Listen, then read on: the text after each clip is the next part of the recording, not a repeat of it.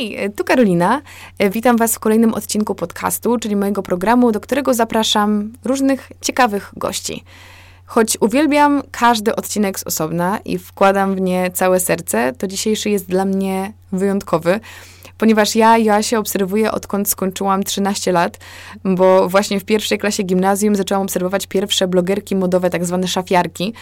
E, Mija e, lat 9, a ja nadal śledzę dawną Style Digger, a obecnie po prostu Joannę Glogazę, e, polską reprezentantkę slow fashion i slow life, autorkę książek i założycielkę marki Lunaby. E, Zapraszam Was do wysłuchania tej wyjątkowej rozmowy. Asiu, witam Cię w moim studio. Dziękuję Ci, że przyjęłaś moje zaproszenie. To ja dziękuję, mega jest mi miło tu z tobą być. E, Mi jest miło i bardzo cieszę naszą rozmowę, bo tak jak wspomniałam we wstępie, e, którego, e, który nagrywamy nieformalnie, e, ale nasi słuchacze wiedzą, obserwuję Cię od bardzo dawna. Jest to dla mnie po prostu powrót do przeszłości, jednocześnie takie w ogóle no, niespodziewane spotkanie i dla mnie na pe- na pewno wyjątkowe. Więc muszę zacząć od tematu, em, który z Tobą kojarzy mi się najbardziej, czyli od hasła nazwy Style Digger. E, To jest blog, który Ty założyłaś dawno temu. Em, I teraz nieczęsto widzę tę nazwę u ciebie na twoich platformach. Powiedz mi, co się stało ze Style Digger? Czy kiedykolwiek w ogóle używasz? Mhm. Czuję się hasła. w ogóle jak eksponat muzealny teraz trochę. Ale, Ale tak. mówić. Ale mogę mówić. E, tak, ja założyłam bloga w 2008 roku, zaraz przed maturą, bo jak już wymyłam wszystkie okna w domu i upiekłam wszystkie pierniczki ze wszystkich książek kucharskich i ogólnie już byłam na szczycie prokrastynacji, to jeszcze sobie założyłam bloga, żeby się tylko nie uczyć. I rzeczywiście nazwałam go Style Digger. E, I nie wiem, czy pamiętasz, kiedyś Kanye West miał taką piosenkę, chyba, tak, to był on, no? Gold Digger. Tak. And saying she's a gold digger. I ona, i bardzo chciałam wymyślić jakąś nazwę i tam wpisywałam jakieś e, kilka które mi przyszły do głowy, ale już wszystkie były zajęte i akurat leciała ta piosenka, więc stwierdziłam, a, to jest wspaniała nazwa! I 10 lat później pomyślałam sobie, not. to jednak nie jest wspaniała nazwa. Ja też zaczęłam dużo mniej, bo najpierw mój blog był głównie o ubraniach em, i byłam taką typową szafiarką. Później odkryłam slow fashion, czyli zaczęłam minimalizować tą swoją szafę, a później już doszłam do wniosku, że już powiedziałam wszystko na ten temat, co mam do powiedzenia i mam już serdecznie dosyć gadania o ubraniach, ale trochę głupio jest nie pisać o ubraniach, pisać o bardziej takich rzeczach związanych z, nie wiem, z podróżami, chociaż o podróżach teraz też nie piszę, em, z, ze stylem życia, z, nie wiem, z organizowaniem sobie posiłków, z własnym biznesem, z, nie wiem, wycieczkami pod Warszawę w miłe miejsca, w które możesz dojechać pociągiem. Nie wiem, jakieś takie proste, codzienne rzeczy i nazywać się wciąż Style um, bo to tak naprawdę z, z tymi ciuchami nie ma nic wspólnego, więc stwierdziłam, że na dziesięciolecie bloga, czy tam dziewięciolecie zrobię sobie mały rebranding i zmienię nazwę na po prostu swoje imię i nazwisko, czyli joannaglogaza.com e, i ten Style Digger gdzieś tam się jeszcze pojawia, na przykład na Facebooku, e, bo jeszcze nie zmieniłam nazwy, żeby tak stopniowo ludzi przyzwyczajać. Swoją drogą muszę to zrobić, bo to już chyba było rok temu, e, ale rzeczywiście zwykle teraz się podpisuję po prostu imieniem i nazwiskiem. Też chciałam powiedzieć, że też dlatego, że Style Digger było trudne do wymówienia i do zapamiętania przez, e, przez ludzi. Wszyscy, bardzo dużo osób robiło błędy, ale tak sobie teraz myślę, że moje nazwisko też do najprostszych nie należy, ale Potwierdzam, bo wczoraj dwa razy musiałam mojej mamie dokładnie powiedzieć, jak ono brzmi. Mm, Ona właśnie nie, nawet nie jest jakaś bardzo skomplikowana, tylko wydaje mi się, że jest rzadko spotykane, więc, więc tu, tu leży problem. Ale masz tak, że czasem ktoś cię spotyka i właśnie rzuca hasło Style Diggera, nie wie, jak się nazywasz? Tak. y, mm, nie, nie wiem, czy nie wie, jak się nazywam.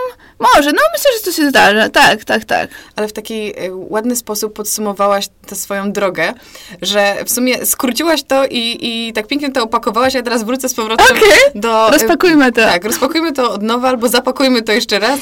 Em, zaczęłaś od Style Digger i byłaś, jak powiedziałaś, szafiarką. Mhm. I to jest słowo, które mam wrażenie, że trochę gdzieś już zaginęło, a to było takie pierwsze nasze polskie słowo na blogi modowe. Tak, ono było w ogóle super. Teraz mi się wydaje, że jest takie pogardliwe wręcz, nie? To, Tak. Te szafiorki. Wręcz ciebie właśnie- taka szafiorka. Ale to jest smutne, bo Smutne. mam wrażenie, że ten, ta branża szafiarska, Mhm. jeżeli mogę tak powiedzieć, w której to się zrodziło, ona była mm, tak inna i tak wyjątkowa i gdzieś e, też, nie chcę powiedzieć, że ona zniknęła, ale bardzo się zmieniła i raczej wydaje mi się, że bycie szafiarką powinno być komplementem, myśląc o tym właśnie, że to było to źródło tego całego trendu na, na skalę polską. Ale to, do czego zmierzam, to to, że z, z szafiarki, z osoby, która pokazuje swój e, styl, swoje stylizacje na blogu, nagle zainteres... no nie wiem, czy nagle, ale poszłaś w kierunku slow fashion. Em, najpierw powiedz nam, co to jest slow fashion, bo wczoraj właśnie miałam też rozmowę ze znajomą, która em, zapytała mnie, co to znaczy, bo wydało mi się, że takie oczywiste, że slow fashion no to przeciwieństwo fast fashion, ale tak naprawdę fast fashion też nie jest tak często, często definiowane. To powiesz nam mniej więcej, jak to wkrót, pokrótce Jasne, jasne. już ci powiem, tylko jak już tak rozpakowujemy, to jeszcze to wydaje mi się, że to jest e, bardzo fajne, co powiedziałaś o tych szafierkach, że to było rzeczywiście unikalne em, i że w Polsce się to bardzo rozwinęło, bardziej niż gdzie indziej. Ja na przykład, bo mieszkałam przez jakiś czas w e, Londynie i wydawało mi, i to było jakieś, nie wiem, 5-6 lat temu i wydawało mi się, że tam to te blogi to na pewno są rozwinięte i tam to ci blogerzy mają jakieś, nie wiem, współpracę, propozycje, nie wiadomo co, a okazało się, że wcale nie, że w Polsce jakby to dużo, jest dużo więcej tych blogów, są dużo bardziej różnorodne. Ci blogerzy jakby dużo bardziej się rozwijają w tym zakresie blogowym, a więc, więc rzeczywiście było to super. A, odpowiadając na swoje właściwe pytanie, to też jest tak, że pewnie jest dużo definicji. Dla mnie slow fashion to jest po prostu taka odpowiedzialna moda, em, czyli kupujemy to, czego rzeczywiście potrzebujemy, z jakimś takim rozsądkiem, e, podchodzimy do swojej szafy. E, staram się wybierać ubrania, które przetrwają więcej niż trzy założenia i które rzeczywiście będziemy nosić, no bo bardzo często jest tak, że kupujemy ubrania, które nam się podobają, a potem się okazuje, że na co dzień tak naprawdę zupełnie nie mamy ich gdzie założyć, albo nie chce nam się ich nosić, bo wolimy chodzić w trampkach niż w szpilkach. Na początku zwłaszcza tak było, że chyba wszyscy wpadli w taką nadgorliwość neofity i, laski naprawdę liczyły te ubrania i chociaż z drugiej strony to też jest takie praktyczne i może komuś pokazać, nie? że to nie jest tylko takie mówienie w teorii, że mniej mało ubrań, tylko ktoś pokazuje, że tutaj mam dwie takie spódnice, takie spodnie, takie spodnie i wyobrażam sobie, że to też może być inspirujące, ale absolutnie o to mnie często ludzie pytają, absolutnie nie ma żadnej, nie wiem, określonej liczby ubrań, do, którą można mieć, żeby być e, w trendzie slow fashion, a jak już masz trzy skarpetki więcej, no to już niestety e, odpadasz. Nie, nie siedzimy No, a z to- tobą przy lunchu. To też wynika z tego, że ludzie lubią mm, schematy, jakieś takie szablony i takie wytyczne. Proste, proste odpowiedzi. Tak, więc jeżeli łatwiej jest po prostu mieć te dwie spódnice i wiedzieć, że idę w dobrym kierunku, Mhm. niż samemu zastanawiać się, ile spódnic naprawdę potrzebuję, więc ja to tam gdzieś rozumiem, ale e, tak mnie zastanawia, że ty idąc w kierunku slow fashion, na pewno gdzieś z tyłu głowy miałaś, że przez to odchodzisz od takiego mainstreamu Mhm. blogowego. Jak się z tym czułaś? Miałaś tak, że y, wzięłaś to na siebie i stwierdziłaś, to jest moja nisza, to jest to, co wierzę? Mhm. Czy miałaś takie momenty, że kurczę, dużo okazji mi gdzieś tam umknie? Nie, zaraz ci o tym powiem, tylko też jeszcze, bo super rzecz powiedziałaś, więc myślę, że warto tutaj też powiedzieć, bo właśnie mm, ludzie potrzebują konkretnych wytycznych i, i, i właśnie konkretnych odpowiedzi, a często ani ja, ani myślę, że nikt inny w jakiś tam sposób zaangażowany w to slow fashion nie jest w stanie tych odpowiedzi dać, bo często na przykład słyszę pytanie, no to gdzie mam, w jakim sklepie, powiedzmy, do sklepu mam pójść, żeby te ubrania były dobrej jakości. Ja bym bardzo chciała, żeby były takie sklepy, gdzie po prostu każda jedna rzecz jest godna polecenia, ale ja niestety takich nie znam, a przynajmniej nie znam takich, które mieściłyby się w moim budżecie. To zawsze jest tak, że trzeba samemu się przekonać, tro, trochę popełnić błędów, trochę mm, poznać te materiały. No nie ma, nie ma tutaj super prostej odpowiedzi, idź do sklepu A, kup ubranie B. Em, robiłam kiedyś na blogu test t-shirtów, gdzie porównywałam t-shirty Pamiętam. różnych marek i to też było takie, że no kurde, przecież przetestowałam te t-shirty, em, a potem, nie wiem, rok później kupiłam t-shirt w tym samym sklepie i już wcale nie był taki fajny, więc a, ciężko, ciężko dawać takie jednoznaczne odpowiedzi. Myślę, że każdy jednak powinien się kierować swoim, swoim własnym rozumem i swoimi wymaganiami dotyczącymi jakości. Zawsze mówię, że dobrym wytrychem są second handy, bo tam już ktoś nosił te ubrania i ktoś je prał i jak one dalej wyglądają dobrze, no to możemy założyć, że em, nam też długo posłużą, a nawet jeżeli nie, to nie będzie wielkiej straty, bo po pierwsze ani za nie dużo nie zapłaciliśmy, ani nawet nikt ich dla nas specjalnie nie wyprodukował, tylko kupiliśmy coś, co już ktoś raz kupił. Odpowiadając na twoje pytanie, trochę się bałam na początku, e, rzeczywiście, bałam się, że, bo to, to były takie czasy, że trzeba było cały czas, znaczy nie trzeba było, była taka jakby presja, która myślę, że z blogerki łącznie ze mną same sobie narzucały, że trzeba pokazywać coś nowego, nowe stroje. I rzeczywiście było tak, że jak się wrzuciło post, na którym była trzeci raz ta sama spódnica, to miała dużo mniej reakcji, dużo mniej komentarzy niż coś, nie wiem, super nową, jeszcze najlepiej bardzo spektakularną sukienką. Więc trochę się bałam, ale szybko się okazało, że to jest, bo teraz to slow fashion jest dosyć popularne, wtedy tego za bardzo nie było, e, przynajmniej w Polsce, więc szybko się okazało, że to jest coś, co jakby bardzo zaciekawia i że więcej osób ma ten problem, że nie tylko ja mam taki problem, że mam, bo to takie trochę było chyba zachły, takie pierwsze zachłyśnięcie się tym, że weszły sieciówki, że, że już są jakieś ubrania, które na przykład widzimy na zagranicznych blogach, e, że one nie są takie bardzo drogie, więc możemy, że też nas na nie stać, więc tak możemy kupować i kupować i kupować. E, no a potem się właśnie okazało, że ma się szafę pełną ubrań i nie ma, się, nie ma się co na siebie włożyć i że to jest frustrujące. Więc y, te posty miały też bardzo duże zaangażowanie, masę komentarzy i to były takie komentarze nie tylko o, fajne buty, gdzie kupiłaś, tylko takie rzeczywiście, że ludzie mi opowiadali swoje historie, więc to było bardzo, bardzo budujące.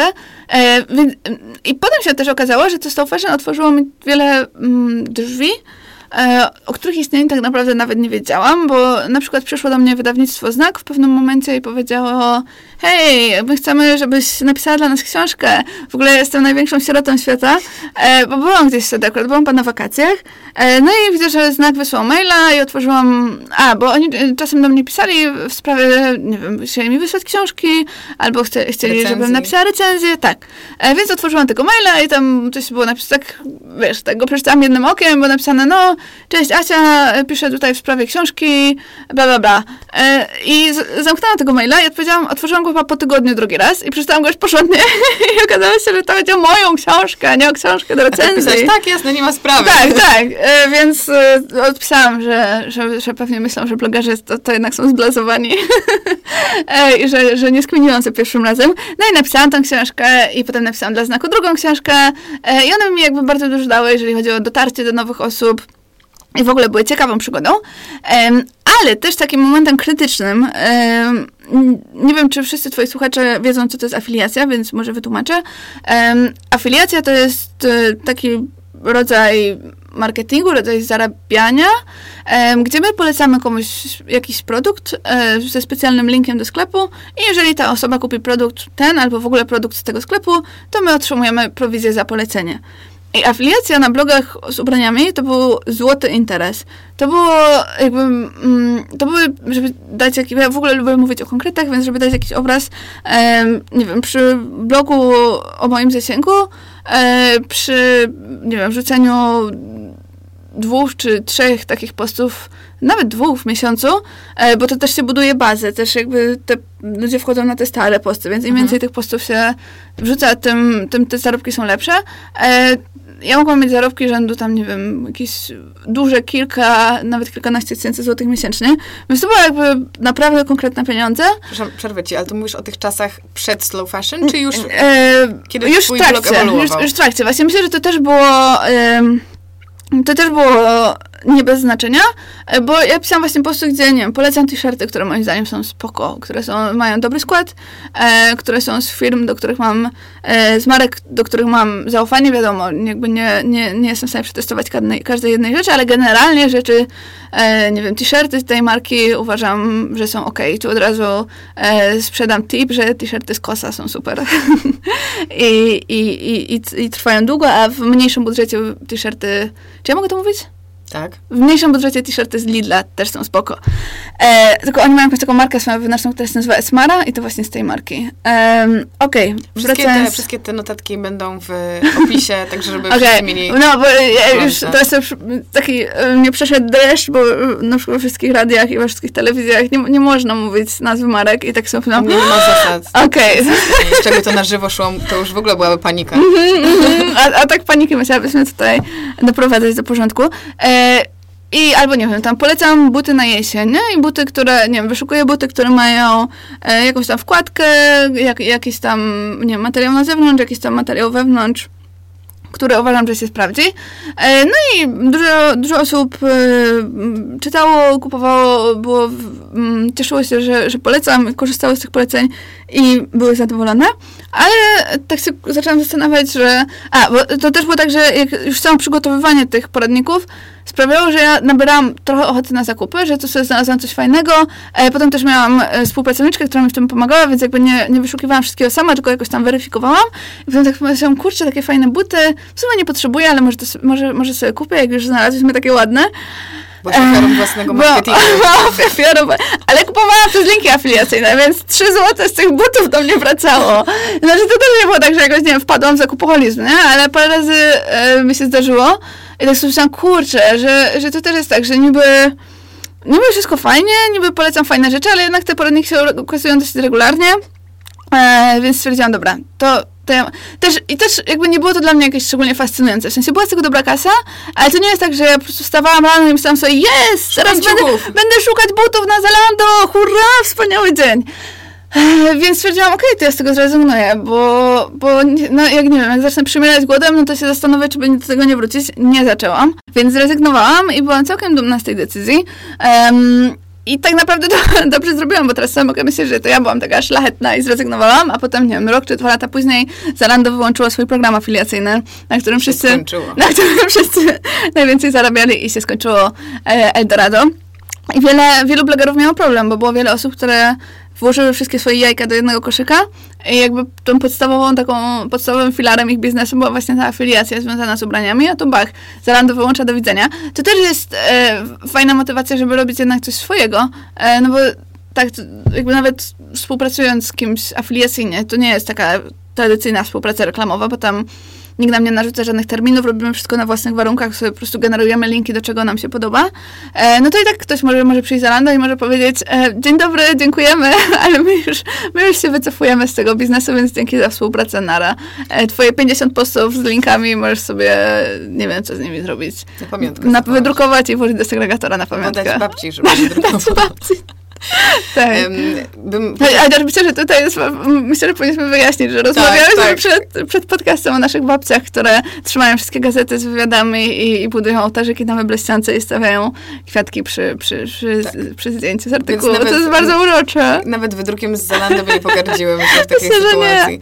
Ale dotknęłaś takiego tematu, e, który chciałam poruszyć może trochę później, ale wydaje mi się, że jest mhm. dosyć istotne, mhm. E, kiedy powiedziałaś, że ważne jest, żeby gdzieś tam czerpać z różnych źródeł, tutaj na myśli o źródła dochodu i w ogóle rozwoju mhm. swojej własnej firmy czy marki.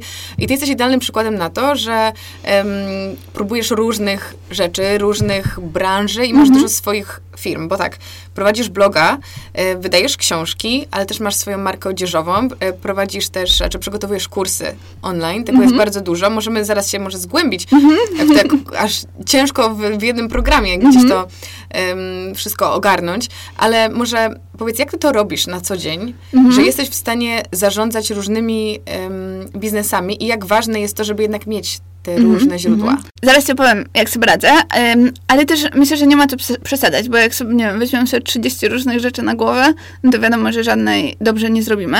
To też nie jest tak, że ja siadłam i sobie pomyślałam, dobra, to ja założę swoją markę odzieżową i kurs online i tamto i siamto i coś tam jeszcze, tylko to raczej następowało stopniowo. Najpierw miałam bloga, Potem napisałam książkę pierwszą, potem założyłam swoją markę odzieżową, a potem zrobiłam kurs online. Gdzieś tam w międzyczasie napisałam jeszcze dwie kolejne książki. No, w międzyczasie, tak.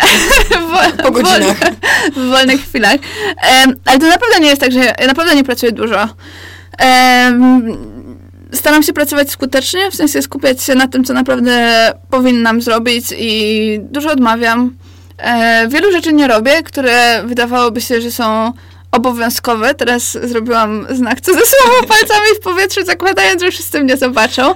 Ale e, nie wiem, właśnie w tej takiej blogerskiej branży często się mówi, a przynajmniej mówiło, że no, że trzeba chodzić na eventy, bo tam są, trzeba nawiązywać kontakty, spotykasz się z przedstawicielami agencji PR-owych i oni cię potem kojarzą i proponują ci kampanię, więc trzeba chodzić na eventy. No ja nie chodzę na eventy, bo to jest straszna nuda. E, jakieś takie eventy typu, nie wiem, wprowadzamy nowy kolor, nie wiem, lakieru do paznokci, wow. albo nie wiem co, nowa kolekcja e, strojów kąpielowych. Ja rozumiem, że dla tej marki to jest ważne, dla mnie nie jest. Um, więc po prostu no nie, nie chodzę, e, nie tracę na to czasu. Um, może coś mnie omija, ale też dopóki zarabiam wystarczająco dużo dla mnie, no to jakby nie mam potrzeby szukania jakichś tam nowych kontaktów czy, no, czy nowych źródeł. Więc na przykład nie chodzę na eventy, nie odpisuję też na wszystkie maile, co teraz jest niepopularne, no bo często blogerom się wydaje, że jak czytelnik do nich napisał, no to, to, to jest jakby w dobrym tonie jest odpowiedzieć. Jasne, ja też odpowiadałam na maile, jak nie wiem, miałam bloga rok, dwa, trzy, ale w pewnym momencie już tych maili zaczęło przychodzić dużo bardzo i nie byłam w stanie na wszystkie odpowiedzieć. Zwłaszcza, ja odpowiadam, jak ktoś pisze krótko i konkretnie i wiem, o co mu chodzi, bo często jest tak, nie wiem, czy też się zdarza, dostaję bardzo długie maile i na końcu właściwie ja nie wiem, czego ta osoba ode mnie oczekuje. Albo na przykład masz dużo artykułów na swojej stronie, które odpowiadają na te pytania. Tak, tak, więc wtedy po prostu podsyłam, podsyłam, podsyłam link, jeżeli e, mogę. Często też są takie pytania, że nie wiem, komuś się nie chciało wpisać w Google, e, więc to w ogóle olewam. E, więc już się dawno pozbyłam wyrzutów sumienia. E, są też takie bardziej kontrowersyjne, bo to, to jest jeszcze tak, no, mm, trochę się można bić z myślami, ale, ale do przełknięcia, ale na przykład są rzeczy, o których się nie myśli, jeżeli nie jest blogerem, czy, czy jakimś w ogóle człowiekiem, który w internecie dociera do wielu osób, a myślę, że nie tylko w internecie. Myślę, że osoby, które, nie wiem, są jakimiś takimi nie wiem, aktorami albo kimkolwiek, pewnie się też z tym stykają na pewno na jeszcze większą skalę, ale dostaję na przykład masę próśb o pomoc charytatywną. E... To, jest taki, to jest taki kontrowersyjny temat. Myślę, że właśnie mówisz, ludzie, którzy nie są w temacie, tak. mogą mieć bardzo tak wyrobione, radykalne opinie na ten temat. Tak. To też nie jest takie proste. Tak, tak, tak. Dostaję tych próśb no, naprawdę bardzo, bardzo dużo. I mm, nie jestem w stanie na wszystkie odpowiedzieć, nie jestem w stanie wszystkich udostępnić, no bo wtedy po pierwsze nie robiłabym nic innego, po drugie nikt by nie zwracał na to uwagi, bo te prośby by nie docierały do nikogo, bo no bo jakby Facebook, algorytm Facebooka na przykład działa tak, e, że jeżeli mm, udostępniasz interesujące treści, ludzie, ludziom się twoje posty wyświetlają. Jeżeli wyświetlasz nudne treści, a niestety tak Facebook traktuje te wszystkie prośby o pomoc charytatywną, no bo nie będziesz miała 500 komentarzy pod, nie wiem, pomocą e, dla, no nie wiem, kogokolwiek. E, więc ja po prostu robię tak, że na początku zwykle roku wybieram sobie jakieś tam obszary e, pomocy, na których chcę się skupić. E, ja wspieram Akademię Przyszłości Mam takie swoje, nie wiem czy kojarzysz, to jest, e, to jest, taka, to jest taka organizacja, e, która pomaga w bardzo fajny sposób, bo ona wspiera dzieci e, z jakichś takich trudnych środowisk. E, przez cały rok spotyka się z, mają taką całą rzeszę wolontariuszy. To się jakoś tam nazywa specjalnie, coś, nie liderzy, jest, jest jakaś tam tutorzy, o, no, tutorzy, okej, okay. było to dosyć oczywiste. E, więc mają całą rzeszę tutorów, czyli Moment takich... szafiarski. Zamiast szafiarka. E, to są takie, nie wiem, osoby na studiach, po studiach, w każdym razie młodzi ludzie, i oni przez cały rok, co tydzień się z tym dzieckiem spotykają i odrabiają z nim lekcje, e, robią, nie wiem, zajmują się jakimś hobby tego dziecka, e, no i to taką bardzo wiarę w siebie w tych dzieciach buduje i uważam, że jest super. Te dzieci też mają jakąś tam, nie wiem, wizytę w jakiejś wielkiej firmie, mogą sobie posiedzieć w fotelu prezesa i generalnie myślę, że przede wszystkim pozwala im to uwierzyć w siebie. Czy gdzieś tam wyrównują szanse. Tak, tak, tak. I jakby dla, do mnie taka forma pomocy bardzo przemawia, więc ja zawsze raz na rok y, mam takie postanowienie, że chociażbym, nie wiem, chociażby nie wiem, jak mi brakowało pieniędzy, to, to się szarpnę i kupię jednemu dziecku, um, tam, to się nazywa paszport Akademii Przyszłości, czyli jakby taką, taki rok pracy um, z tutorem. E, I e, do mojego serca bardzo przemawiają też schroniskowe pieski, e, więc pomagam tym pieskom, gdzieś tam udostępniam chodzę sama też do schroniska, biorę udział w eventach i tak dalej, więc są takie dwa moje obszary, którym się zajmuję. No i, i, i, zwykle też odpowiadam, że, że przykro mi, nie będę mogła się zaangażować. Czasami jest tak, że, że coś mnie złapie za serce, to udostępnia, albo po prostu sama, jakby jako zwykły, prywatny człowiek, się gdzieś tam dorzucam do, oczywiście do jakiejś zbiórki, e, ale na pewno nie jest tak, że wszystkie te prośby udostępniam i myślę, że nikt z twórców tak nie robi, no bo jest to po prostu niemożliwe. Ale myślę, że ważne jest, żeby sobie zrobić w głowie jakiś system radzenia sobie z takimi sytuacjami, bo potem właśnie jak nie, nie, nie, nie mamy um, jakichś takich ścieżek, um, tutaj robię to, tutaj robię, w takiej sytuacji robię to, a w takiej sytuacji robię tamto, chyba, że e, nie wiem, coś mnie złapie za serce, to wtedy coś tam, coś tam. E, to, to często jest tak, że te maile siedzą w tej skrzynce, chodzą nam po głowie, e, nie wiem, rozpraszają nas, a w końcu i tak, nie wiem, albo nie odpowiadamy, albo, nie wiem, spędzamy godzinę nad, nad tą klawiaturą, żeby się zastanowić, co odpowiedzieć. E, więc ja to rozwiązuję tak, co nie znaczy, że nie dostaję w odpowiedzi maili, o, myślałam, że jesteś inna, ale, ale nie zależy to często. Ale wróćmy do tematu jakby mm -hmm. organizacji -hmm. w kontekście posiadania różnych -hmm. okay. działalności. to, była, to była duża dygresja. Tak, tak. Um, mam pomoc przede wszystkim, to też jest bardzo ważne. Ja tego to sama w życiu nie dała rady zrobić. E, przede wszystkim mm, pomaga mi moja mama, głównie przy naszym piżamowym biznesie, a oprócz tego e, współpracuję z Asią Sidelnikow-Brzezowską, która e, na początku mm, współpracowałyśmy na takiej zasadzie, Asia jest wirtualną asystentką e, i na początku współpracowałyśmy na takiej zasadzie, że mm, nie wiem, wykupowałam pakiet 10 godzin. E, no i tam, nie wiem, Asia uploadowała posty na mojego bloga, uploadowała newslettery, jakieś takie rzeczy, których ja nie muszę koniecznie robić osobiście, więc mogę zaoszczędzić czas i zająć się tym, co nikt inny nie zrobi, tylko ja to muszę zrobić. A, e, a powiedziałabyś właśnie, że to jest ważne, żeby nauczyć się delegować pracę?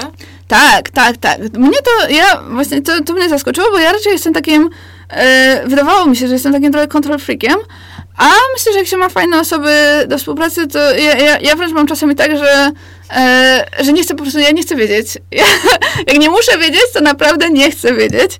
E, po prostu chcę, chcę, chcę, chcę, żeby to już było zrobione. Znaczy, oczywiście jak ktoś ma jakieś pytania albo jakiś problem, to, a ja mogę go rozwiązać, to oczywiście chętnie to robię, e, ale czasami, nie wiem, właśnie Asia mnie pyta, Asia, czy ty chcesz wiedzieć, e, jak to, to, to i się to potoczyło? Ja mówię, nie, nie chcę wiedzieć. Zdaje się na ciebie. Zdaje, tak, tak, no bo to też o to jakby myślę, że ważne jest, żeby właśnie nie robić takiego mikromanagementu, e, żeby, żeby nie stać na tym, po to się zatrudnia kogoś, że, żeby, żeby właśnie ufamy po jakimś tam, nie wiem, wstępnym przeszkoleniu pokazaniu kogo, komuś, jak coś u nas działa, no że jakby ufamy, że ta osoba zrobi to dobrze, może nie tak samo jak my, tylko po prostu inaczej, ale też dobrze. Tak, myślę, że, że, że pomoc to jest e, mega ważna sprawa, ale też staram się jakoś strukturyzować sobie ten tydzień e, i strukturyzować sobie też dzień. Nie wiem, czy to słowo w ogóle istnieje, e, nadawać swojemu dniu struktury. Pięknie to e, W każdym razie, zawsze jak e, rano wstaję, to staram się zrobić jakąś taką dużą, kreatywną pracę, która wymaga skupienia. Czyli na przykład jak pisałam książkę, no to starałam się tam i miałam jakiś, nie wiem, limit dzienny słów, który chciałam napisać, no to staram się to zrobić właśnie od razu, wstać i zrobić to od razu rano. E, no bo potem jak już człowiek otworzy tego maila, nie wiem, czy też tak masz, jak już się zacznie zajmować taką bieżączką, no to już trudno jest wejść w ten stan skupienia. Też rano jest o tyle spoko, że nikt do mnie nie dzwoni, nikt do mnie nie przemaili, nikt niczego do mnie nie chce. Um, znaczy, jak bardzo chcę się skupić, to po prostu włączam, piszę smsa do ludzi, którzy mogą do mnie dzwonić, e, typu właśnie mama, e, że, że wyłączam telefon, e, w ogóle nie włączam internetu, albo, nie wiem, blokuję wszystko poza dokumentem, w którym piszę. No i jakby niezależnie od tego, która jest godzina, to nikt do mnie nie dzwoni i nikt mi nie przeszkadza, ale rano jest mi jednak jakoś łatwiej, bo taką mam świeżą energię, też mam takie poczucie, że nawet jakby potem nie wiadomo, co się stało. Nawet jakby przyszedł gość z wiertarką robić remont piętro wyżej i już by się nie dało nic zrobić, no to ja i tak mam tą najważniejszą rzecz w ciągu dnia zrobioną. A jeżeli chodzi o tydzień, to na przykład y, piątki właśnie staram się poświęcać na wszystkie, jakby spycham przez wszystkie dni na piątek całą taką robotę typu, nie wiem, jakieś robienie przelewów, jakieś takie, y, jakaś taka praca logistyczna, tak, która jednak musi zostać zrobiona i którą ja muszę zrobić, no bo tylko ja mogę zrobić ten przelew e, i, i, i grupuję w piątek, ale za to staram się w piątek pracować krócej w nagrodę, że zrobiłam tą całą nudną robotę. I weekend poświęcasz już sobie? Tak, bardzo się staram, nie, w ogóle, no tak, staram się nie pracować w weekendy, chociaż czasem e, nachodzi mnie taka chęć, jak na przykład jestem sama w domu, e, mój chłopak pójdzie gdzieś tam na trening, e, jest cicho i spokojnie, tak sobie myślę, a napisała, przychodzi mi jakiś pomysł do głowy i myślę sobie, a rozpiszę sobie scenariusz na to od razu, żeby mi nie uciekło. E, bo ja jestem wielką fanką takiej dyscypliny, w sensie trochę nie wierzę w pisanie pod wpływem, czy tam nie, tworzenie w ogóle pod wpływem weny, bo moim zdaniem trudno jest wtedy doprowadzić coś do końca. Więc raczej jestem fanką, nie wiem, pisania trzech stron dziennie, codziennie, ale zdarza się, że rzeczywiście mnie natchnie jakiś taki super pomysł i wtedy siadam i go od razu spisuję, e, bo zawsze na świeżo te efekty są fajniejsze moim zdaniem niż... Nawet nie rozpisuję tego od A do Z, ale jakieś takie główne myśli. Zaczęłyśmy mówić o pisaniu e, książ książek, książki -hmm. i to mnie bardzo ciekawi, czy mm, jak różne było twoje doświadczenie pisania tych książek? To nie jest tak, że piszesz sagę albo piszesz kol coś kolejnego w, danym, w danej dziedzinie, -hmm. tylko to były różne książki, ale czy rzeczywiście inaczej ci się je pisało? Tak, tak, zdecydowanie mm, widzę różnicę między dwiema pierwszymi a trzecią, bo moje dwie pierwsze książki są poradnikowe na trochę różne tematy, no ale jednak pisanie takich poradników e, to jest podobny proces. I po tej drugiej książce już się śmiałam, że nie wiem, czy pamiętasz, może nie pamiętać, bo jesteś dużo młodsza, ale w latach 90. była taka seria Nauka tenisa w weekend, nauka jazdy konnej w weekend, nie. takie małe książeczki. Nie wiedziałam, że w latach 90. się używało słowa weekend. I, I miałam takie poczucie po tych dwóch książkach, że mogłabym już napisać taki poradnik na każdy temat, więc stwierdziłam, że jest po, to jest pora na coś nowego. Ale to dobrze, bo chciałam właśnie ciebie zapytać, skąd człowiek wie, jak napisać poradnik, a to już wiadomo, ma poradniki weekendowe. tak. Mogę ci pożyczyć. Myślę, że są u moich rodziców w domu to jeszcze. bardzo ciekawe, jak się można nauczyć tenisa w weekend. Ja się nie nauczyłam przez 6 lat. no widzisz, no ja rozwiążę twój problem, Karolina. Um, więc stwierdziłam, że spróbuję czegoś nowego i ta moja trzecia książka jest e, zbiorem gier które są e, nie, nie jakby większość, zdecydowana większość, gigantyczna większość nie jest wymyślona przeze mnie, e, tylko jakaś tam opracowana, przetestowana, e, jakieś tam, nie wiem, swój, ewentualnie swój twist dorzucam, jakieś drobne zmiany, czy jakąś nie dodatkową regułę, która uważam, że urozmaica tą grę. Są gry towarzyskie, takie gry, które możemy grać na imprezach, nie potrzebujemy do nich żadnych gadżetów, możemy grać, nie wiem, z babcią, z dziadkiem, ze znajomymi, z chłopakiem, z dziewczyną, cokolwiek. I tutaj już się pisało zupełnie inaczej, no bo trzeba było, po pierwsze, to było takie bardziej mm, aptekarskie, powiedziałabym, bo wiele tych zasad jest bardzo precyzyjnych, zwłaszcza mhm. przy takich grach jakichś bardziej logicznych. Takie. Tak, tak, tak. E, I trzeba było sprawdzić, czy na pewno um, jeżeli to, to czy na pewno tamto, czy nie ma jakichś wyjątków, czy coś tutaj nie jest nielogiczne, czy gdzieś się nie pomyliłam. E, na szczęście miałam dużo osób, które po mnie tą książkę czytały e, w redakcji, czy, czy nie wiem, po prostu osób jakichś takich ode mnie bliskich, które gdzieś tam te ewentualne, znaczy nie ewentualne, które te błędy znajdowały. Ale fajna praca, testowanie gier. Tak. Super. Tak, właśnie po drugie trzeba było to przetestować, więc mam teraz masę na telefonie filmików, jak nie wiem, jak moi znajomi zjadają ciastko, które za pomocą mięśni twarzy przesuwali z czoła e, do ust i, i różnych innych głupkowatych rzeczy. I rzeczywiście było tak, że ja przez pół roku nic nie robiłam innego, tylko grałam w gry. E, I w ogóle nie miałam ich dosyć po tym pół roku, więc myślę, że to jest dobry znak. Ale to jest tak, że kiedy piszesz, to inne obowiązki idą gdzieś w odstawkę i masz takie pół roku intensywnego pisania i wtedy inne osoby zajmują się twoimi pozostałymi biznesami? Czy gdzieś jeszcze nadal koordynujesz to wszystko? Mhm. E, to nie jest tak, że, że mogę się skupić tylko na tej jednej rzeczy, e, więc trochę jest tak, że, że ta reszta trochę na tym cierpi, zwłaszcza w tym okresie już przed deadline'em, e, no to wtedy rzeczywiście, e, nie wiem, na, na blogu hula wiatr i nie ma posta od dwóch tygodni, ale, ale raczej staram się to łączyć i, i właśnie pracować z tym systemem, że rano się zajmuję książką, a potem całą resztą. A słuchaj, czy moda to jest nadal twoja największa pasja? Tak o Jezu, nie, w ogóle mnie nie obchodzi. w ogóle mnie nie interesuje to. I to, jest w ogóle mój największy życiowy problem. Nie, nienawidzę ubrań. nie, nie. To, to czemu ty założyłaś bloga? No bo, no bo wtedy mnie interesowało, ale teraz mnie przesały. To jest w ogóle A, ciekawe. Okay. Że... Czyli dobrze, gorzej tak. było, gdyby wtedy też cię interesowały. ja, ja mam że ja, tak nie wiem, jest taki stereotyp, że kobiety to sobie lubię pogadać o ciuchach. Ja, ja... Proszę się, ja lubię takie podziały. Ja mam wrażenie, tak samo jak e, ja, ja w ogóle mam taki pogląd, który jest, właśnie wymyśliłam, że masz życiowy przydział na coś. Ja na przykład trenowałam narciarstwo, jak byłam dzieckiem, tam nie wiem, od e, 7 do 17 roku życia. Mm, I więc jeżdżę bardzo dobrze na nartach, y, uczę, uczyłam ludzi, jak to była moja pierwsza praca i tak dalej. I dla mnie... Poradnik narty w weekend. mogę, no. I dla mnie, ale właśnie nie mogę, zaraz ci powiem dlaczego. Ostatnia rzecz, na którą wydałabym pieniądze, absolutnie ostatnia to jest wyjazd na narty, na przykład do Włoch. No Albo ja po prostu nienawidzę jeździć na nartach teraz. Ja Zepsułaś to sobie. Zepsułam to sobie, tak. I jeszcze do teraz mi się zdarza, że ludzie mnie pytają, no jakie narty powinienem kupić? Ja mówię, nie mam pojęcia, od 10 lat nie byłam na nartach. Znaczy nie wiem, no może byłam parę razy, ale, ale mam serdecznie dosyć. Tak samo wydaje mi się, że wykorzystałam już swój przydział gadania o ciuchach na całe życie podczas mojej intensywnej szafiarskiej działalności. Naprawdę mnie to nie interesuje, nie mam pojęcia, co będzie modne jesienią, nie obchodzi mnie to. Kupuję w kółko takie same sukienki. Ostatnio sobie kupiłam taki nowy typ spódnicy, trochę podobny do tej, którą ty masz, czyli taką trzy czwarte, bo oprócz tego to mam wszystko w szafie prawie takie samo, e, jak zawsze kupuję. I po prostu nie czuję potrzeby.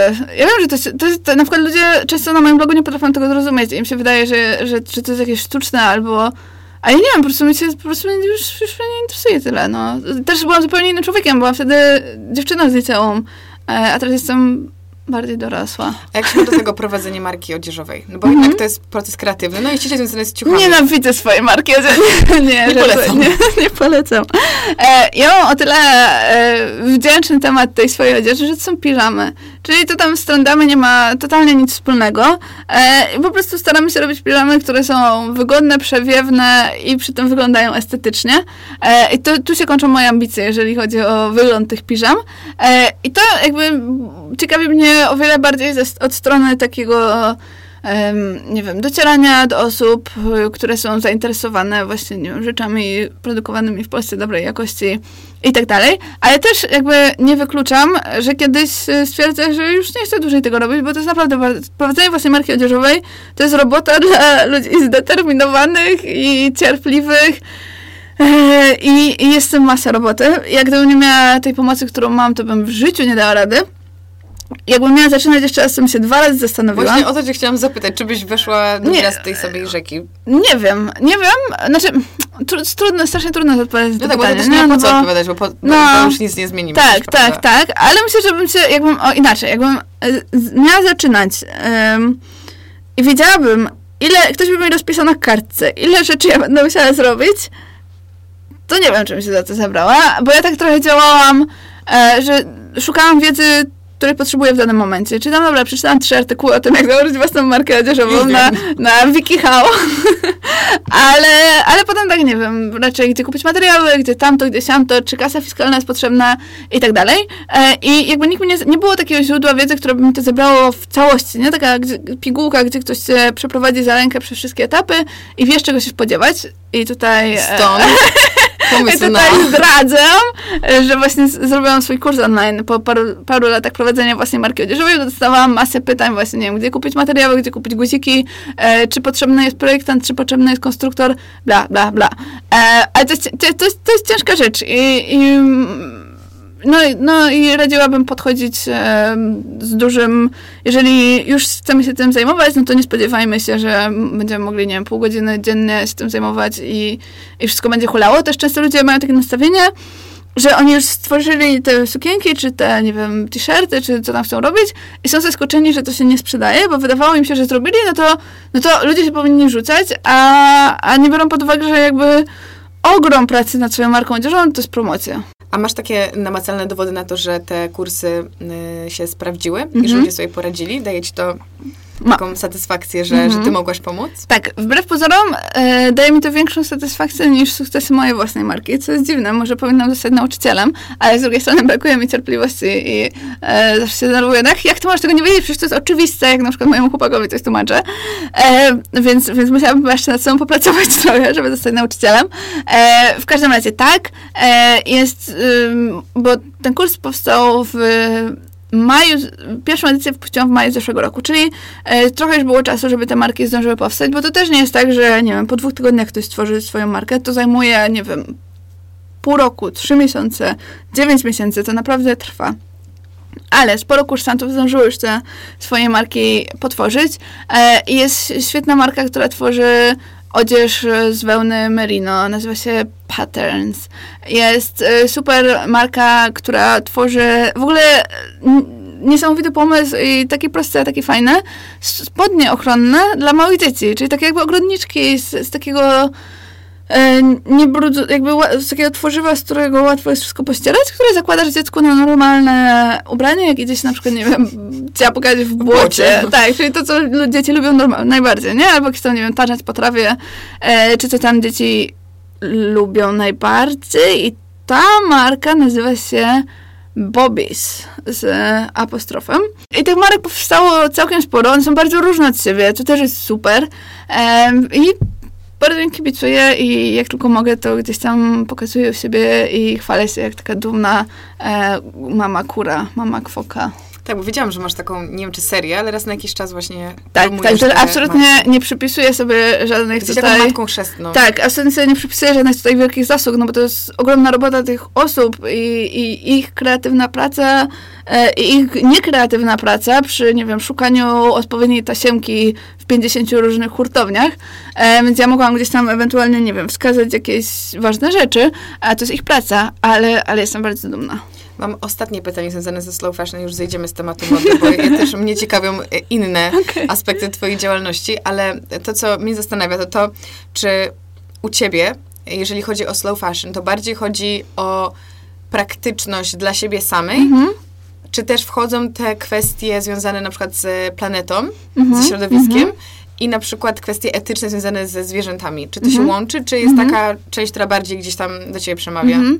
Myślę, że na początku zdecydowanie przeważały te względy praktyczne, bo chciałam się przede wszystkim pozbyć tych gór ubrań ze swojej szafy, odkryć co naprawdę lubię, móc pojechać na trzy dni em, na wycieczkę i potrafić się spakować do małej walizki i mieć buty, które pasują do płaszcza i płaszcz, który pasuje do sukienki i tak dalej, ale w międzyczasie e, te kwestie środowiskowe też zaczęły być dla mnie ważne, e, więc myślę, że teraz to się tak wyrównało. E, myślę, że takim momentem kulminacyjnym był zeszły rok, bo zrobiłam sobie takie wyzwanie nie kupowania nowych ubrań. Przez rok kupowałam second handach, okazało się, że, że, okazało się, że to Da się. wyzwanie, to da się i byłam taka rozczarowana trochę, no bo napisałam o tym na blogu i ludzie tak czekali, żebym ja opisała jakieś swoje wnioski e, i, i, nie wiem, spodziewali się, że to będzie coś bardzo ciekawego i ja na w końcu nakręciłam o tym filmik i to jest najnudniejszy filmik świata, no bo właściwie siadam i mówię, wiecie co, to było proste i przez większość czasu w ogóle nie pamiętałam o tym, że mam to wyzwanie, e, więc czułam się taka bardzo rozczarowana tym, jak mi łatwo poszło. No ale też wynika z tego, że miałaś już nowe nawyki. Bo ja Tak, nawet tak, ostatnio tak, tak.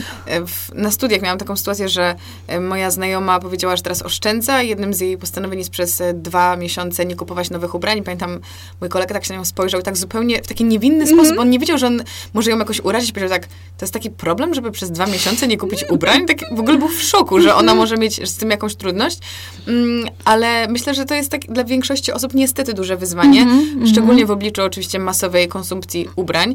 E, Czy tobie się wydaje, miałam powiedzieć, że ostatnie pytanie, ale No, no, dawaj, Czy masz wrażenie, że gdzieś tam w dobrym kierunku idą te nawyki konsumentów, jeżeli chodzi o ciuchy? Nie wiem, wydaje mi się, że trochę żyjemy w takiej bańce, e, w, w, w sensie jajty, w takiej trochę internet- internetowo-instagramowej bańce, gdzie mamy polubionych dużo osób, które są zero waste e, i dużo osób, czy tam less waste i starają się ograniczać e, te, te wszystkie produkowane przez siebie odpadki, albo osób, które są właśnie zaangażowane w slow fashion. A myślę, że większość ludzi cały czas jeszcze jest, zdecydowana większość cały czas jeszcze jest w takiej fazie s- w końcu mnie stać. Ale w końcu, tania sukienka. tak, w końcu mnie stać, w końcu mam co kupić, e, to obkupię się jak głupia w Pepko. Em, też myślę, że łatwo mówić, e, no kupujmy teraz w second handach i e, gromadzimy meble ze śmietnika. Ja mam na przykład bardzo dużo mebli ze śmietnika, bo to jest takie fajne. Rzeczywiście to jest fajne, ale wtedy jak to jest twój wybór i że przyciągasz sobie ten, to krzesło ze śmietnika, bo to jest dla ciebie fajne urozmaicenie e, i możesz przypanować znajomym, że masz krzesło ze śmietnika, a jak naprawdę cię nie stać na te meble, to myślę, że właśnie wtedy człowiek wpada w taką fazę, że nie wiem, zadłuży się, e, ale, ale kupię sobie ten, ten, nie wiem, nowe Nowy buty, telewizor. nowy telewizor. Tak, tak, że jakby też trudno jest mimo wszystko oczekiwać, to jest jakby taka potrzeba, wydaje mi się, jak już... To jest też przywilej, żeby w ogóle mieć takie Przywilej, tak, tak, tak, tak, tak, tak, że, że jak już, już, już sobie nakupowałaś, co chciałaś w tym H&M-ie, em, to teraz, ale już ci się znudziło, więc teraz jesteś, nie wiem, w twojej pot, piramidzie potrzeb. Tak, to e, właśnie na to patrzę tak. w mojej głowie, że jesteśmy już teraz te, stworzeni trochę do wyższych celów i myślimy sobie, jakby tutaj zbawić świat. Trochę tak jest. tak, tak, więc teraz siedzisz i myślisz, no to ja teraz będę tutaj zero waste. Ja teraz nie będę szpanować nowymi butami, tylko będę szpanować brakiem butów. E, absolutnie nie mówię, że, że to jest złe i że nie wiem, jakaś taka moda na to software, to jest bardzo dobre. jest super moda. To jest super moda i niech będzie trwa jak najdłużej. I nawet jeżeli ktoś to robi powierzchownie, to to nie ma żadnego znaczenia. Tak samo jak, nie wiem, często e, widzę, że na, na przykład jakieś, nie wiem, blogerki udostępniają, mm, nie wiem, em, zdjęcie z, z kimś, komu charytatywnie pomagają, albo piszą, że zrobił jakiś przelew i ludzie mówią, o, ty to robisz na pokaz. Co to ma za znaczenie dla tej osoby, która dostała tą pomoc? Absolutnie żadne. Dużo lepiej zrobić coś na pokaz, niż nie zrobić wcale. E, więc dobrze, że ta moda jest, ale też warto pamiętać, że, że mm, jakby no nie wszyscy mogą się na nią załapać i że jest jakby mimo wszystko dużo ważniejszych problemów do rozwiązania. Może nie ważniejszych, ale jakby o. Myślę, że dobrym, dobrym, dobrym obrazem tej sytuacji jest smog i, i, i to, że ludzie się zastanawiają, no dlaczego ludzie palą w tych piecach tym kaloszem, czy oni nie wiedzą, że jest smog. No wiedzą, ale ich po prostu nie stać. E, albo Lub mają inne problemy w danej mają inne problemy, po prostu w ogóle nie myślą w ten sposób. Zostawiamy modę już na dobre, e, bo wyczerpałyśmy temat. Nie no, żarty, nie da się wyczerpać tego tematu. E, Ale e, chociaż ten podcast już jest dłuższy niż większość moich podcastów, e, kolejny temat, e, którego nie poruszyłyśmy, to jest w ogóle kwestia slow life, czyli tego powolnego życia, czyli to jest następne zagadnienie, które gdzieś tam zakładam, że u ciebie ewoluowało z mody. Co to znaczy slow life i jakie strefy życia on dotyczy i czy wszystkie? Myślę, że tak. Mm, To jest jeszcze trudniejsze do zdefiniowania niż slow fashion. Dla mnie to jest przede wszystkim takie życie w zgodzie ze sobą e, i robienie tego, co naprawdę my lubimy e, i co naprawdę nam sprawia przyjemność, a, a nie tego, co na przykład, nie wiem, czym chcemy zaimponować innym, albo nie wiem, co jest teraz modne, e, więc my też czujemy, że musimy. Mm, Wydaje mi się, że to tak naprawdę w swojej istocie sprowadza się do nie przejmowania się tym, co pomyślą o nas inni ludzie. W takim dobrym znaczeniu z tego słowa. Nie mówię o plucie na chodnik, nie? Tylko, e, no, tylko jak, jakimś takim kierowaniu się przede wszystkim swoją oceną, a nie, nie opiniami innych.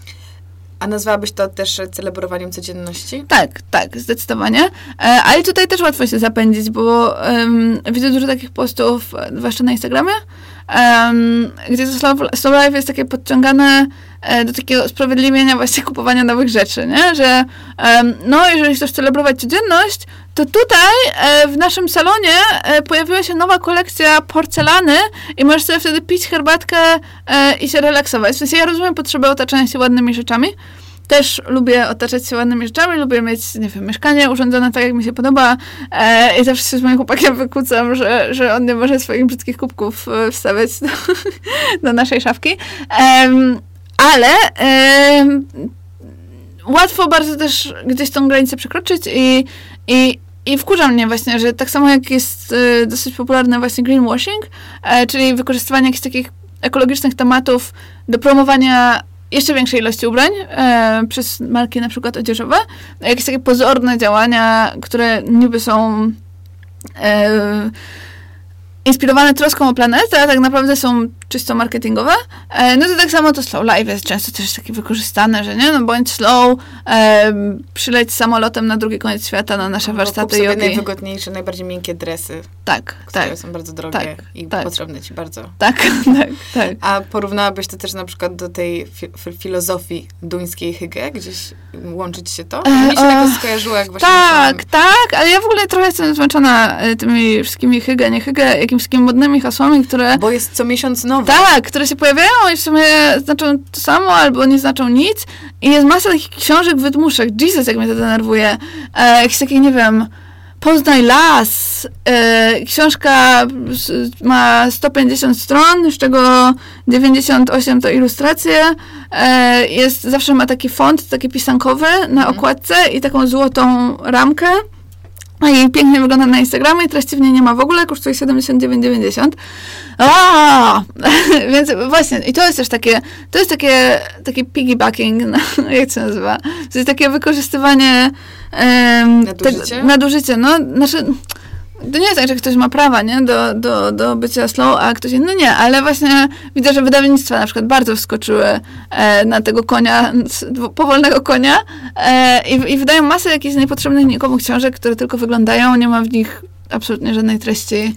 E, więc, więc mnie te wszystkie hygge... Znaczy tak, ja jakby tak, na pewno fajnie, że oni coś takiego mają, fajnie, że, że coś zaczęło być znane, ale możemy też to nazwać siedzeniem na kanapie i graniem w planszówki, albo nie wiem, graniem w, na ukulele, albo cokolwiek innego robimy, lubimy robić w wolnym czasie, zamiast robienia czegoś, czego nie lubimy robić, ale czujemy się zobowiązani, bo na przykład wszyscy nasi znajomi to robią.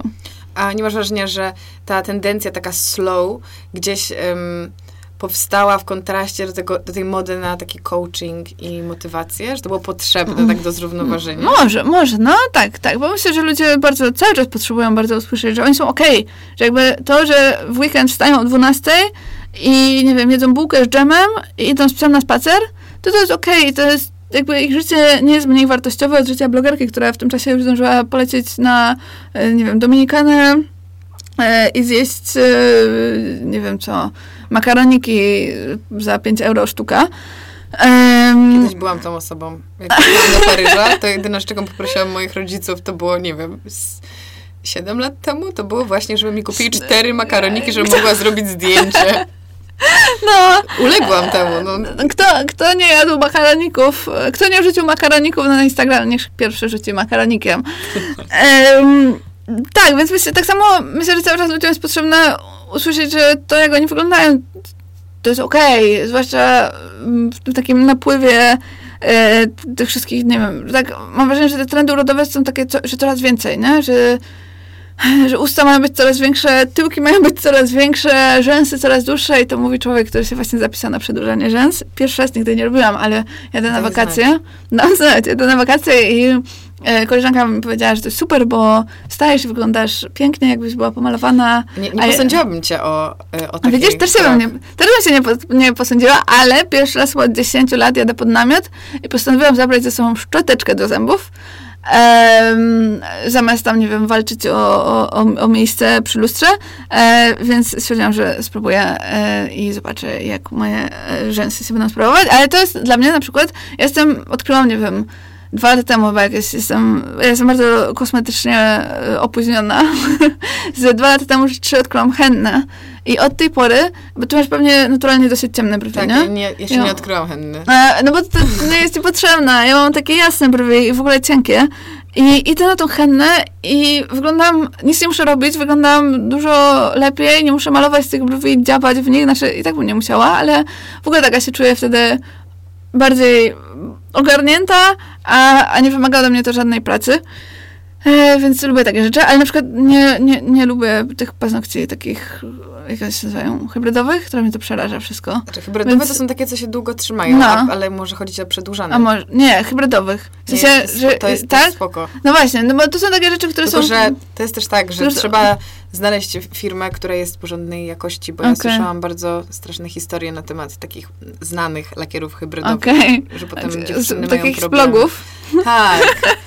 Takich, co Okej. wszędzie widać, Okej. naprawdę, że są, mają bardzo toksyczne składy i potem dziewczyny mają problemy O. bardzo duże z paznokciami, ze skórą i takie. Że... No właśnie, właśnie No no właśnie. Wydaje mi się, że cały czas potrzebujemy takiej wiadomości, że nikt nie wygląda tak jak na Instagramie w prawdziwym życiu em, i że wcale nie trzeba tak wyglądać. Ja jest zawsze, jest strasznie mi smutno na siłowni. Jak, nie wiem, czy, czy, czy zdarza ci się bywać, czy też masz takie doświadczenia, ale bardzo często widzę dziewczyny, które są malowane pełnym makijażu. w pełnym makijażu, ćwiczą w tym pełnym makijażu i potem wchodzą do tej szatni, zmywają ten makijaż, który wiadomo, się tam mm, rozpłynął i od razu sobie nakładają nowy i trwa to, nie wiem, pół godziny. E, I jakby makijaż jest okej, jest jakby super, że fajnie, że ktoś to lubi, że, że nie wiem, sprawia mu to przyjemność. E, To jest totalnie ok- Indywidualna sprawa. tak. indywidualna sprawa, ale nie, nie spoko jest to, że ktoś czuje przymus, nie? Że jakby nie, nie wyjdzie bez makijażu, bo mu się wydaje, że wygląda niewystarczająco dobrze. W ogóle to jest, to wczoraj to rozmawiałam z moim chłopakiem, w ogóle to jest grubszy temat, bo dosyć smutne też jest to, że na przykład w jakimś takim korporacyjnym świecie kobieta zadbana, jakby kobieta, która wygląda profesjonalnie, to jest kobieta, która ma makijaż i nie wiem, buty na obcasie jeszcze najlepiej, nie? A, a mężczyzna po prostu przychodzi i wygląda tak, jak wygląda i, i, i nie wiem, ma czyste ubrania i to, to jest okej.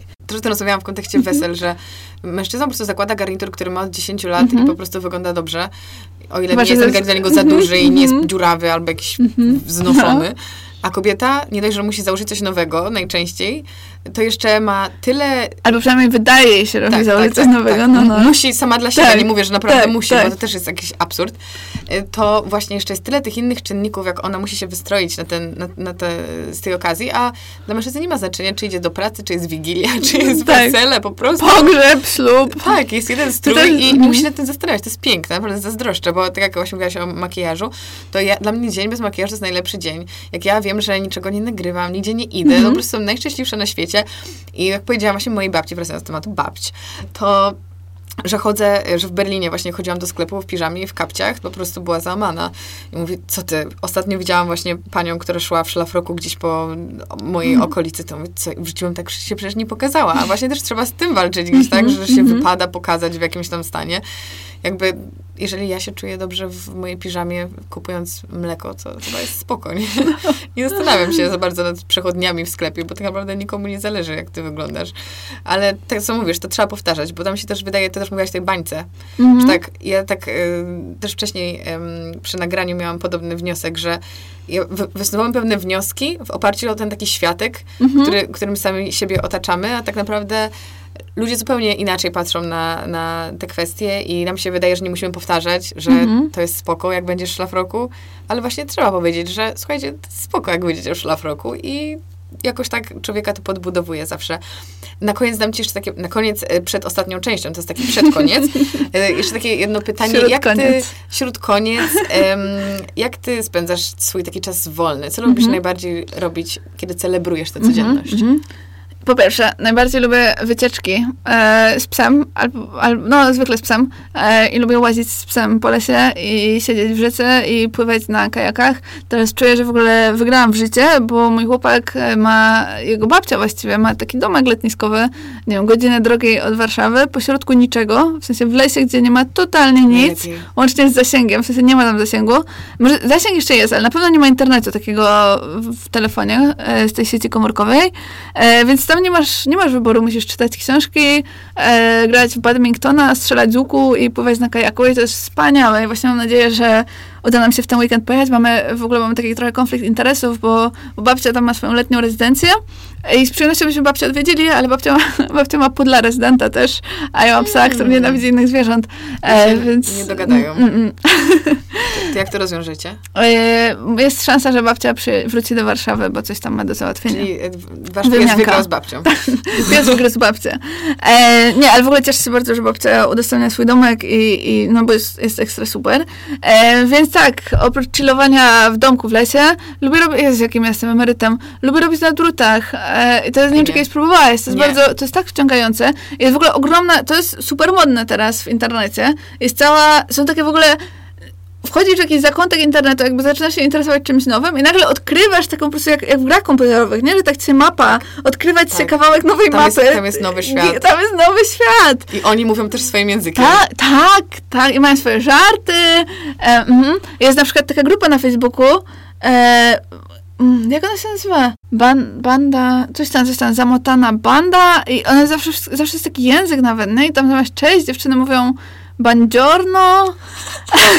I jakby to wszystkie się. to są takie, to są takie sekty, nie? Jest sekta mam, jest sekta vegan, No, jest sekta, bam. sekta ludzi robiących na drutach, jest sekta zero waste, są różne sekty. Jest sekta wnętrza, jest sekta taka, nie wiem, odnawiania mebli, są bardzo, bardzo różne sekty, więc robienie na drutach, e, no, co ja jeszcze lubię robić? E, lubię, ja w ogóle bardzo lubię Warszawę. Więc lubię w różne e, ciekawe nowe miejsca chodzić, albo też stare, te, które już dobrze znam, chodzić ze znajomymi. Jednym z takich moich ulubionych miejsc jest JCC, czyli Jewish Community Center. To jest gmina żydowska, która, i teraz nie pamiętam, w sobotę czy w niedzielę? W niedzielę chyba? W weekend, któregoś dnia rano, e, robią takie wspólne śniadanie, które jest, by the way, wegetariańskie na pewno, a nie wiem, czy nie wegańskie. Ale Em, myślę, że jest bardzo przyjazny weganom na 100%. tak, ta, ta, to prawda, tak, tak, tak. Em, I wygląda to tak, że jest jeden wielki wspólny, tam nie wiem, dwa wielkie wspólne stoły, płacisz 25 zł, e, dostajesz coś tam do picia, co, co chcesz i cały czas donoszą jakieś, nie wiem, a to jakąś pastę z buraków, a to jakieś humus, takie, takie najpyszniejsze na świecie chleby, nie wiem, jak się nazywają, takie placki chlebowe, nie mam pojęcia. płomyki. Trochę tak, ale takie, takie bardziej napufione. Są przepyszne. I, a tutaj jeszcze marynowana dynia, a tutaj jeszcze marchewka, a tutaj jeszcze na deser jakiś grysik z czymś tam. I to jest tak dobre. Ja wychodzę stamtąd tak obiedzona, że w ogóle się ledwo ruszam przez resztę dnia. I to jest ciekawe, bo tam jest, tam naprawdę, bo jest dużo takich, nie wiem, czy w Łodzi też tak jest, ale y, na pewno w Berlinie, ale w Warszawie jest dużo teraz, nie wiem, było jakiś czas temu moda na takie wspólne stoły w knajpach. Z tym, że one wcale nie były wspólne, bo każdy siedział w swoim laptopie mm, i ludzie w ogóle ze sobą nie rozmawiali i w ogóle to takie było sztywne strasznie. A to brzmi bardzo berlińsko. A, a, a tam jest takie naprawdę, jest takie, nie wiem, siedzi obok ciebie pan, który, nie wiem, przyszedł w jarmułce i, i, i rozkłada swoją gazetę i ci pyta, czy nie przeszkadza i pyta cię, jak ta marcheweczka. Super, super jest miło. A nie wiem, jakieś takie wszystkie. Dzisiaj na przykład się wybieram z kolei na Żoliborzu jest kino pod chmurką, czyli mm, no, na świeżym powietrzu Tak, jest w ekran. nazywamy to polówka. A, jest polówka, e, więc, więc dużo jakichś takich miejskich rzeczy lubię robić. E, ostatnio, odkąd e, mam swoje mieszkanie i mam miejsce w tym mieszkaniu, w sensie nie jest to jakoś gigantyczna przestrzeń, bo to mieszkanie ma 45 metrów, ale jest to zdecydowany upgrade z kawalerki. E, lubię bardzo robić przyjęcia mini z grami i e, Z jedzonkiem. z jedzonkiem, ale też różne dziwne rzeczy. Ostatnio już jestem umówiona z koleżanką na up, up, up, upcyklingowe party, e, bo każda z nas ma jakieś takie, nie wiem, jakieś krzesło w piwnicy, które chce pomalować od trzech lat, ale jeszcze tego nie zrobiła, więc mamy plan, e, ale to jest hi- hipster plus, nie? To jest taka po prostu pożywka, rzucam się na pożarcie e, ludziom z internetu. e, no i mamy w planie... są bardzo wyrozumiali. Mamy w planie te wszystkie e, stare rzeczy, bo ja jestem wielką fanką śmietników i mam, nie wiem, pół mieszkania, no może nie pół mieszkania, ale na pewno mam pół mieszkania e, z odzysku, czyli jakieś, nie wiem, mam krzesła od dziadka mojego chłopaka, które stały w poczekalni e, jego gabinetu dentystycznego, mam jakiś, nie wiem, mm, sekretarzyk, który kupiłam w komisie za jakieś grosze, a jest super piękny, mam krzesła ze śmietnika, mm, I sama to odnawiasz? nie odnawiam, po prostu wstawiam. Ale odświeżasz, powiedzmy, oddajesz to gdzieś no, tam do... prze- przecieram szmatką. O, i, i, i, i działa. To i działa, tak. Ale no, mm, lubię przerabiać meble, czyli na przykład, nie wiem, ostatnio przemalowałam zwykłą białą szafkę z Ikei na granatowo, jakiś tam doczepiłam jej blat, y, pomalowałam uchwytę i wygląda No teraz... właśnie, o to mi chodziło, że tak, sama się za tak, to zabierasz. Tak, tak, tak, tak. Czyli to jest gdzieś jakieś kolejne twoje hobby. Tak, tak, tak, I cały czas odkrywasz nowe, mam Tak. wrażenie. tak, tak. No ja w ogóle takie lubię rzeczy mm, perelowsko-emerycko-śmietnikowe. Ja mówię o sobie, że ja jestem babcią. Mhm. I tak, tylko, że tak waham się między byciem albo taką nastolatką, Mhm. albo taką bardzo starszą panią. I gdzieś tam gubię się w tym swoim Mhm, wieku. A, no i spor, sporty super. W sensie to jest takie... Sport. relaks- Sporty, no, różne. E, jakieś- narty, No, sport. Jezu, wszystkiego oprócz nartu, nar, nartów. Wszystkiego oprócz nartów. Wszystkiego oprócz nart. Jakieś tam jogi, nie jogi, e, to strasznie relaksuje i mam wrażenie, że, że często ludzie tak patrzą z boku na to i sobie myślą pff, pff, na jogę chodzi, lol. E, i, I co to niby daje, a to naprawdę, to, jest trudne, bo to trzeba trochę pochodzić na te, zwłaszcza z jogą tak jest. Systematyczność. Tak, tak, no bo się bardzo usztywniasz, ale też trzeba, na początku się wydaje mega głupie, ponieważ jak przyszłam pierwszy raz na jogę, jak usłyszałam, że mam podwinąć ogon, albo przykleić pępek do kręgosłupa, albo mam z wewnętrznym, kleju. albo mam z wewnętrznym udem zrobić coś tam, to miałam takie lol, chyba stąd wyjdę. A, a to też zależy od nauczyciela dużo, bo, bo są tacy, ja nie lubię takich bardzo om i takich bardzo mm, Uduchowiony. uduchowione i też tak właśnie eksponujących tą swoją duchowość na tych zajęciach, e, jakby takie, t, t, takich, którzy mocno stoją jednak dwoma stopami, dwo, dwoma nogami, dwoma stopami. Czekaj, to ma sens, dwoma stop, dwiema, Dwiema stopami, stopami. dwiema stopami, tak to jest, jak zaprosisz sobie szafiarkę do podcastu, dwiema nogami, stopami na ziemi, e, tłumaczą co, dlaczego, więc też warto poszukać. Tak, właśnie też już o tym wcześniej mówiłam przy jakichś programach, że yoga jest tak indywidualną kwestią, że każdemu się podoba coś innego. Nie ma Tak. się co zrażać, bo ja byłam na pięciu różnych, może mi się dwa podobały, Mhm. bo to jest tak, tak, tak, tak inne podejście. Mm, Dobra, kończymy tę część główną. Mam dla ciebie ostatnią em, część, to są takie szybkie pytania-odpowiedzi, Okej. które nie wymagają żadnej wiedzy, to jest tylko Okej. o, o tobie. Okej, w sensie ogórkowa czy pomidorowa? Dokładnie, Okej. tak. A, do, Ogórkowa, a, ale pomidorowa też jest bardzo wysoko. Że ja bym nie umiała wybrać. Ja w No. ogóle jestem, ja to jestem cwana, bo zadaję te pytania, a sama bym naprawdę nie umiała na nie odpowiedzieć, ani wybrać na poczekaniu. Jesteś gotowa? Mhm. E, tak, tak. Tak. To było pierwsze? Do, dobra odpowiedź. Dobra, pierwsze pytanie, y, już nie rozgrzewkowe. Czy masz jakieś swoje y, popisowe danie? Tak. em, miałam, jak mm, jadłam e, mięso, tak normalnie, e, to moim popisowym daniem było spaghetti bolognese, ale odkąd e, już tego mięsa w swojej kuchni nie mam, to moim popisowym daniem jest po pierwsze minestrone, mam nadzieję, że to się tak wymawia, Tak, pięknie wymówiłaś. z jarmużu. E, z przepisu Naomi Smart. E, O, bardzo ją lubię. mhm, youtuberki. E, jest w ogóle hitem. Jest z ryżem. Robi się je tam niby 40 minut, ale tak naprawdę twojej roboty w tym jest 8 minut, a przez resztę to się po prostu gotuje w garnku. Więc to jest jedna rzecz. A druga rzecz to jest wegańskie mac and cheese. A Czyli z czego robisz? Właśnie dużo jadłam z serów, takich pseudoserów, pseudososów serowych, które nie były dobre, a ten jest super.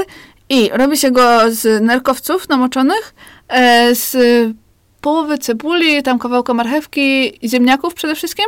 E, no i magiczny składnik, który zamienia ziemniaka w ser, czyli płatki drożdżowe. A skąd masz ten przepis?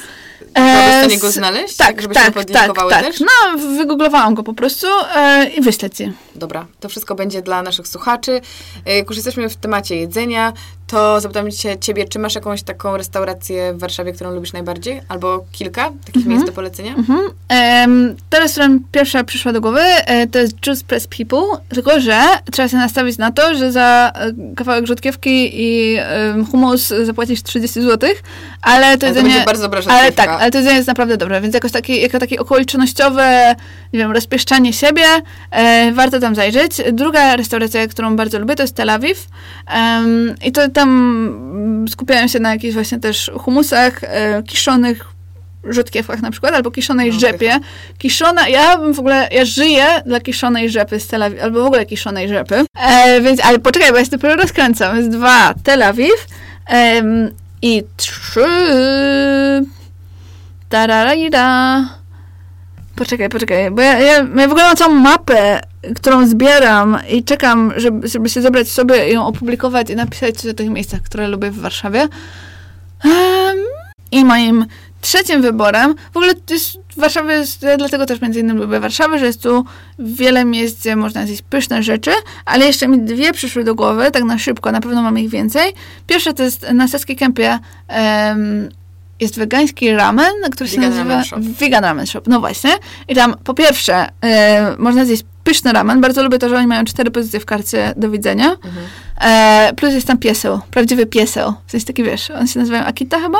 Taki, taki, no, taki japoński pieseł liseł. E, to jest raz, a dwa, e, też na Saskiej Kępie jest restauracja, która się nazywa Do widzenia do jutra.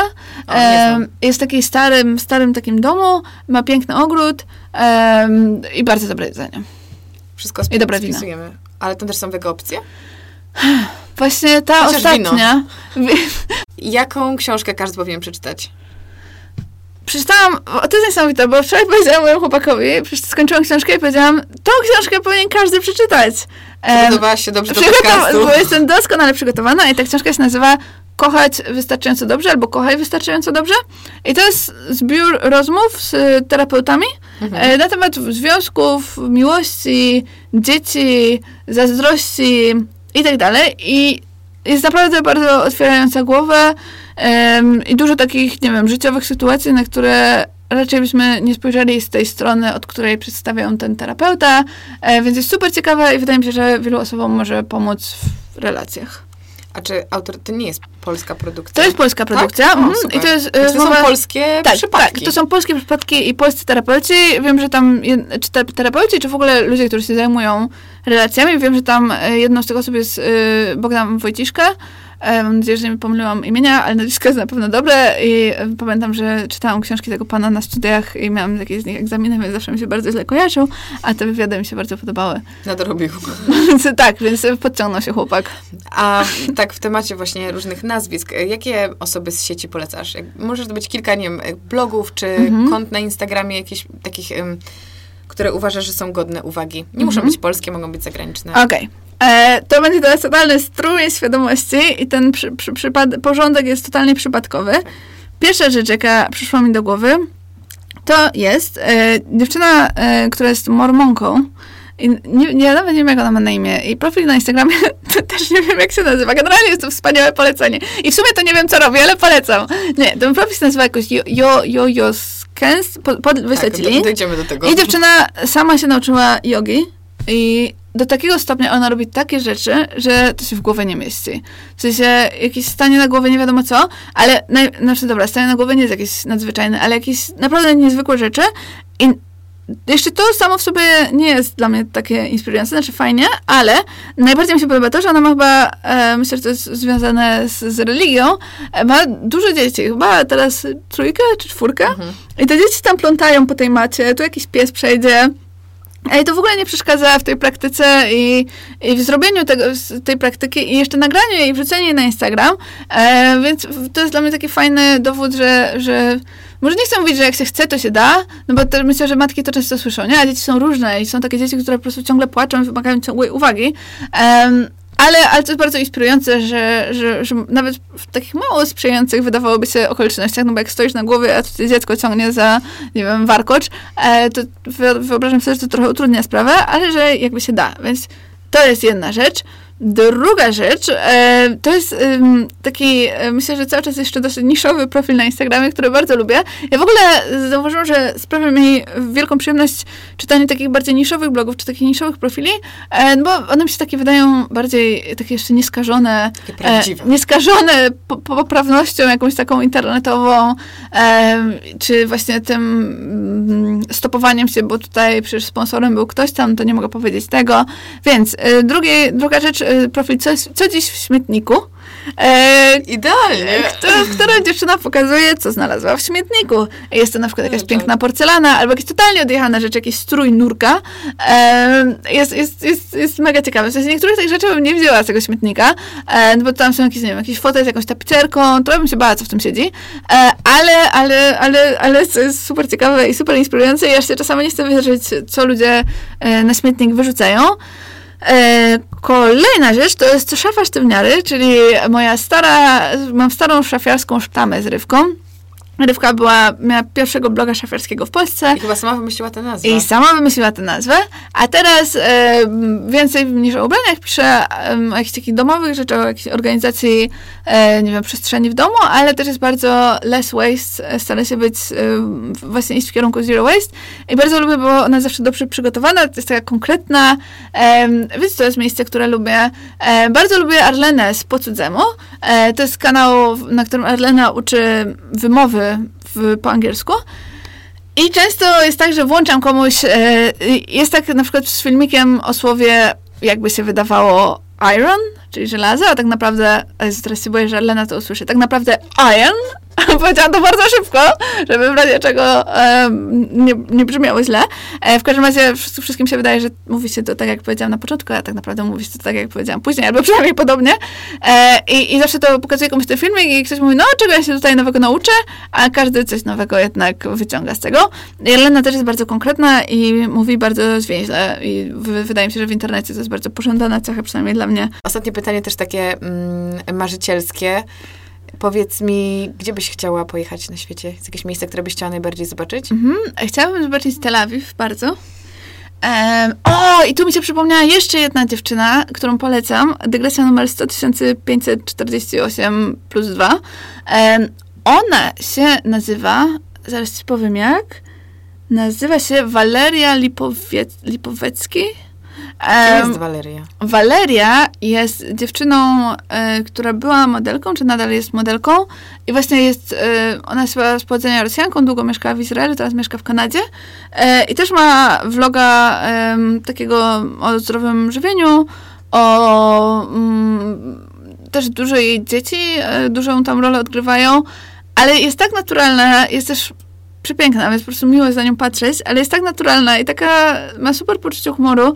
I tak naprawdę ciężko powiedzieć, o czym to jest, po prostu o jej życiu, e, ale jest, Lifestyle. lifestyle, tak, ale jest tak, tak jakby, mm, nie wiem jak to powiedzieć, wdzięczna, ale też taka, e, nie wiem, niewywyższająca się i taka, mm, taka stojąca właśnie mocno na ziemi, że jest to mega przyjemne, więc zawsze z przyjemnością oglądam opowiada na przykład, nie wiem, jak też dużo mówi o swoich porażkach, o tym, jak zawaliła swoją szansę w, na pokazie, czy tam na jakiejś sesji Victoria's Secret. Jest bardzo szczera w tym wszystkim, więc bardzo, bardzo, bardzo ją lubię. Okej, wracając do twojego pytania oryginalnego, jak ono w ogóle brzmiało? Dokąd chciałabyś pojechać? Tel Najlepsze marzenie podróżnicze. Okej. Powiedziałeś, że Tel Awiw. Tel Awiw chętnie, a z takich bardziej wow, wow, wow, to na przykład Wyspy Owcze, które są totalnie emeryckie, jest tam więcej owiec niż ludzi e, i są takie mnie, taką chyba mniej popularną Islandią trochę. Chciałabym do Stanów pojechać, bo nigdy nie byłam. E, a, a bardzo mnie ciekawią, tym bardziej, że są takie bardziej, bardzo różnorodne, więc myślę, że te trzy opcje. Bardzo satysfakcjonuje mnie ta odpowiedź. Na koniec możesz jeszcze powiedzieć naszym słuchaczom, Mhm. gdzie można cię znaleźć na co dzień? W internecie, stacjonarnie? Mhm. E, stacjonarnie Tutaj to, mieszkam. to jest ulica Poznańska 4A przez 17. Nie, nie, nie, to, to nie jest mój adres. Nie Nie, nie, na, nie nachodźcie jakiegoś biednego człowieka, jeżeli ten adres w ogóle istnieje. E, więc, moja droga, ja przede wszystkim ostatnio założyłam, pozazdrościłam ci, założyłam kanał na YouTubie. Że ja nawet nie wiedziałam. Na, możesz tam zobaczyć, jak Teraz. maluję szafkę. Albo możesz tam zobaczyć, jak wygląda sesja zdjęciowa moich piżam, albo możesz tam zobaczyć moją wycieczkę do Żyrardowa. W Żyrardow w ogóle nie wiem, czy byłaś kiedyś, to jest taka trochę zawsze, mała łódź. Zawsze prze... muszę zobaczyć w takim Mhm, razie, bo e, przejeżdżam fabryczne. właśnie, jadąc zawsze z Łodzi do Warszawy przez Żerardów. A, widzisz. Nigdy jeszcze nie wysiadłam tam, ale To wysiądź kiedyś. mają ładny dworzec. Tak, tak. W ogóle cały Żyrardów tak wygląda. Jest takie, takie, znaczy nie całe, ale jakby ma taką część starą z takiej cegły. E, więc na YouTubie mój kanał się nazywa po prostu Joanna Glogaza. U mnie na blogu nazywa się joannaglogaza.com. E, możecie e, się wyspać w mojej piżamie. Piżamy nazywają się Lunaby i można je znaleźć na lunaby.com, ale generalnie na wszystkich Instagramach i na wszystkich, we wszystkich social me- mediach jestem pod swoim nazwiskiem, czyli Joanna Glogaza. A gdzie można kupić twoje książki? Moje starsze książki, czyli Slow Fashion i Slow Life, można kupić po prostu w księgarni, a moją nową książkę, czyli w Tommy Gray 97 gier, dzięki którym wygrasz w życie towarzyskie, można kupić tylko online na joannaaltenberg.pl. Ale przychodzi bardzo szybko, kurierem, sprawnie i pod same drzwi. Dobrze, wszystkie szczegóły mamy w opisie, bo to było bardzo dużo informacji. Mhm. To był w ogóle bardzo, bardzo treściwy podcast i bardzo owocna rozmowa. Dziękuję Samo ci. wegańskie mięcho. Dokładnie, samo gęste, powiedzmy tak.